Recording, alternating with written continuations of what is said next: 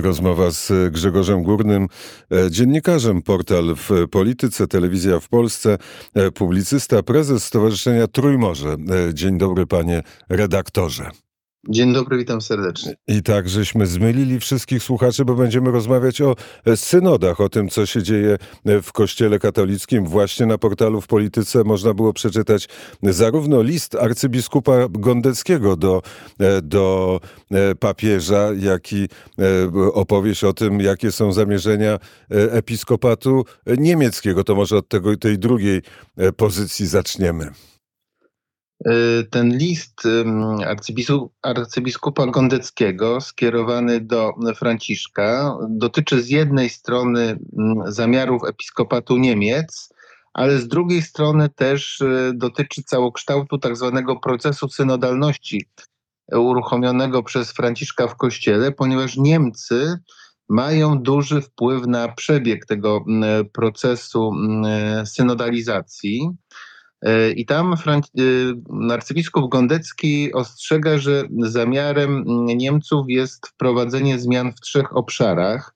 E, po pierwsze, zmiana ustroju kościoła z hierarchicznego na demokratyczny bo w tej chwili władza w kościele jest nierozerwalnie związana ze święceniami kapłańskimi. W związku z tym władze mają tylko osoby duchowne i ta władza jest piramidalna.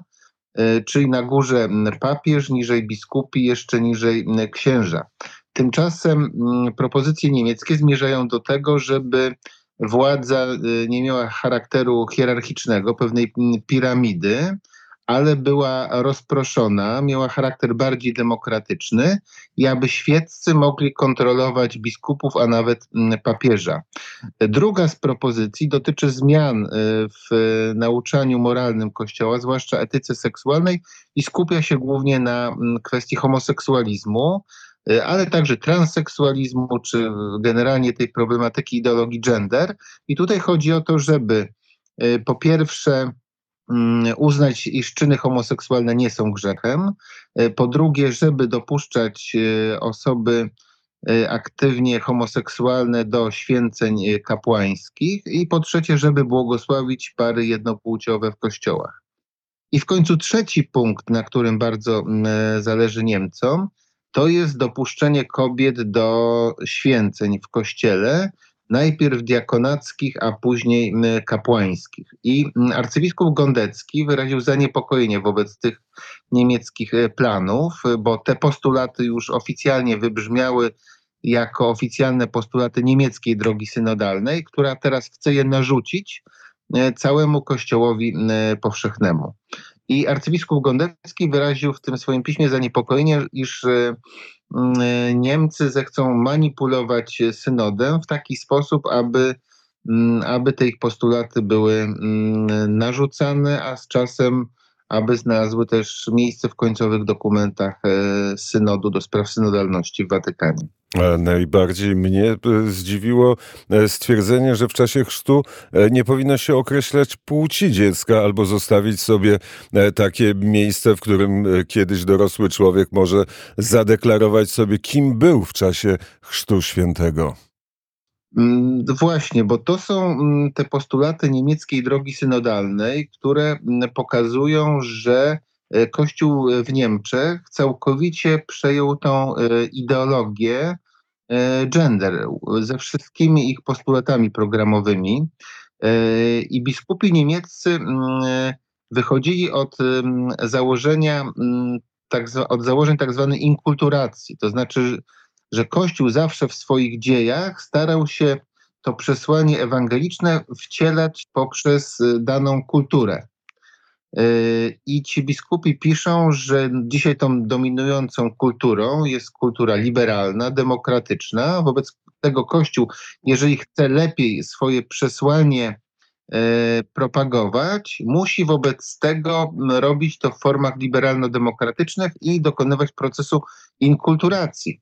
Ale w ten sposób de facto dokonuje się proces kolonizacji ideologicznej, kolonizacji mentalnej Kościoła przez tą ideologię mm, demokratyczno-liberalną i tak naprawdę mm, Kościół przestaje głosić swoje własne mm, przesłanie, e, a głosi to przesłanie demokratyczno-liberalne. Gdyby, gdyby tak było, to święty e, Paweł powinien zupełnie inne pisma i listy e, pisać, bo wtedy, kiedy e, pisał swoje, swoje pisma, kiedy, kiedy mówił, czym będzie albo czym jest chrześcijaństwo, dookoła byli sami poganie, więc powinien absolutnie powiedzieć o tym, że, że to, jest, to jest religia, która powinna obowiązywać. Więc to jest dokładnie odwrócenie porządków, odwrócenie wszystkiego do góry nogami, bo de facto e, to nie świat nawraca się pod wpływem Kościoła, ale to Kościół nawraca się pod e, wpływem e, świata. I można powiedzieć, że to jest pewien nurt, który dochodzi do głosu w Kościele i chodzi nie tylko o Kościół niemiecki, ale to samo widzimy w innych krajach zachodnich, w Belgii, Irlandii, Szwajcarii, Austrii i tak dalej. To, że arcybiskup Gondecki taki list e, napisał do e, Ojca Świętego, to, że ten list jest w domenie e, publicznej, świadczy o tym, że jest to alarm, że to jest bicie dzwonami w kościołach polskich. Tak, i można powiedzieć, że jest to też przejaw pewnej odwagi, dlatego że większość hierarchów na świecie, nawet jeżeli nie zgadzają się z tymi pomysłami niemieckiej drogi synodalnej, to woli milczeć, woli chować głowę w piasek. I tutaj arcybiskup Gondecki już któryś raz interweniuje. Był ten jego słynny list do przewodniczącego konferencji episkopatu Niemiec, biskupa Betzinga. E, też interweniowali biskupi ukraińscy, ale generalnie większość światowego episkopatu Y, w tej sprawie woli milczeć, mając nadzieję, że uda się tą burzę jakoś przeczekać. I w tym sensie ta interwencja e, arcybiskupa Gondeckiego ma taki wyjątkowy charakter, także ze względu na jego stanowisko, ponieważ jest on przewodniczącym konferencji episkopatu e, Polski. Wobec tego jego głos na zewnątrz jest traktowany jako głos polskiego episkopatu, a więc polskiego kościoła. Finał tej, tej całej dyskusji wewnętrznej w kościele będzie kiedy? Yy, jest przewidywany kolejny etap, już końcowy tego synodu do spraw synodalizacji w październiku przyszłego roku w Watykanie.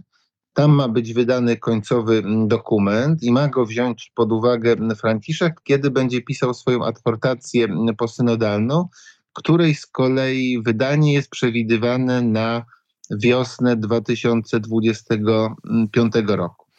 Jeszcze e, trochę wody w Wiśle upłynie, ale, ale ten czas e, szybko, e, szybko biegnie. Nie tylko Europa pod dyktando Berlina, ale również Kościół może stać się niemiecko-katolicki. Niestety Niemcy wywierają też duży wpływ na, mm, na mm, oblicze Kościoła z tego powodu, że, to, że oni są bardzo majętnym mm, kościołem. Ich roczny budżet wynosi ponad 7 miliardów y, euro.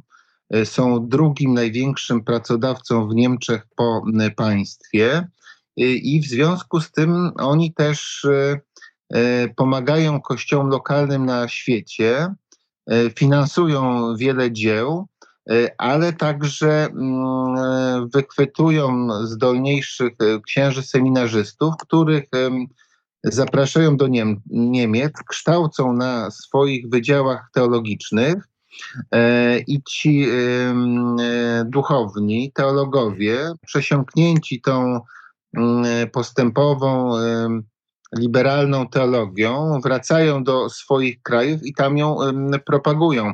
I to widać bardzo wyraźnie chociażby na przykładzie Ameryki e, Łacińskiej, gdzie te teorie niemieckie padają na mm, korzystny grunt, dlatego że tam wielu duchownych, e, którzy zajmują prominentne stanowiska w kościele, to są wychowankowie niemieckich wydziałów teologicznych, którzy całkowicie mm, podzielają tą optykę mm, e, Kościoła, jaką przedstawia dzisiaj episkopat Niemiec. Ciąg dalszy tej rozmowy nastąpi. Bardzo serdecznie za nią dziękuję. Dziękuję bardzo, pozdrawiam serdecznie. Grzegorz Górny, dziennikarz, publicysta, prezes Stowarzyszenia Trójmorze był gościem poranka w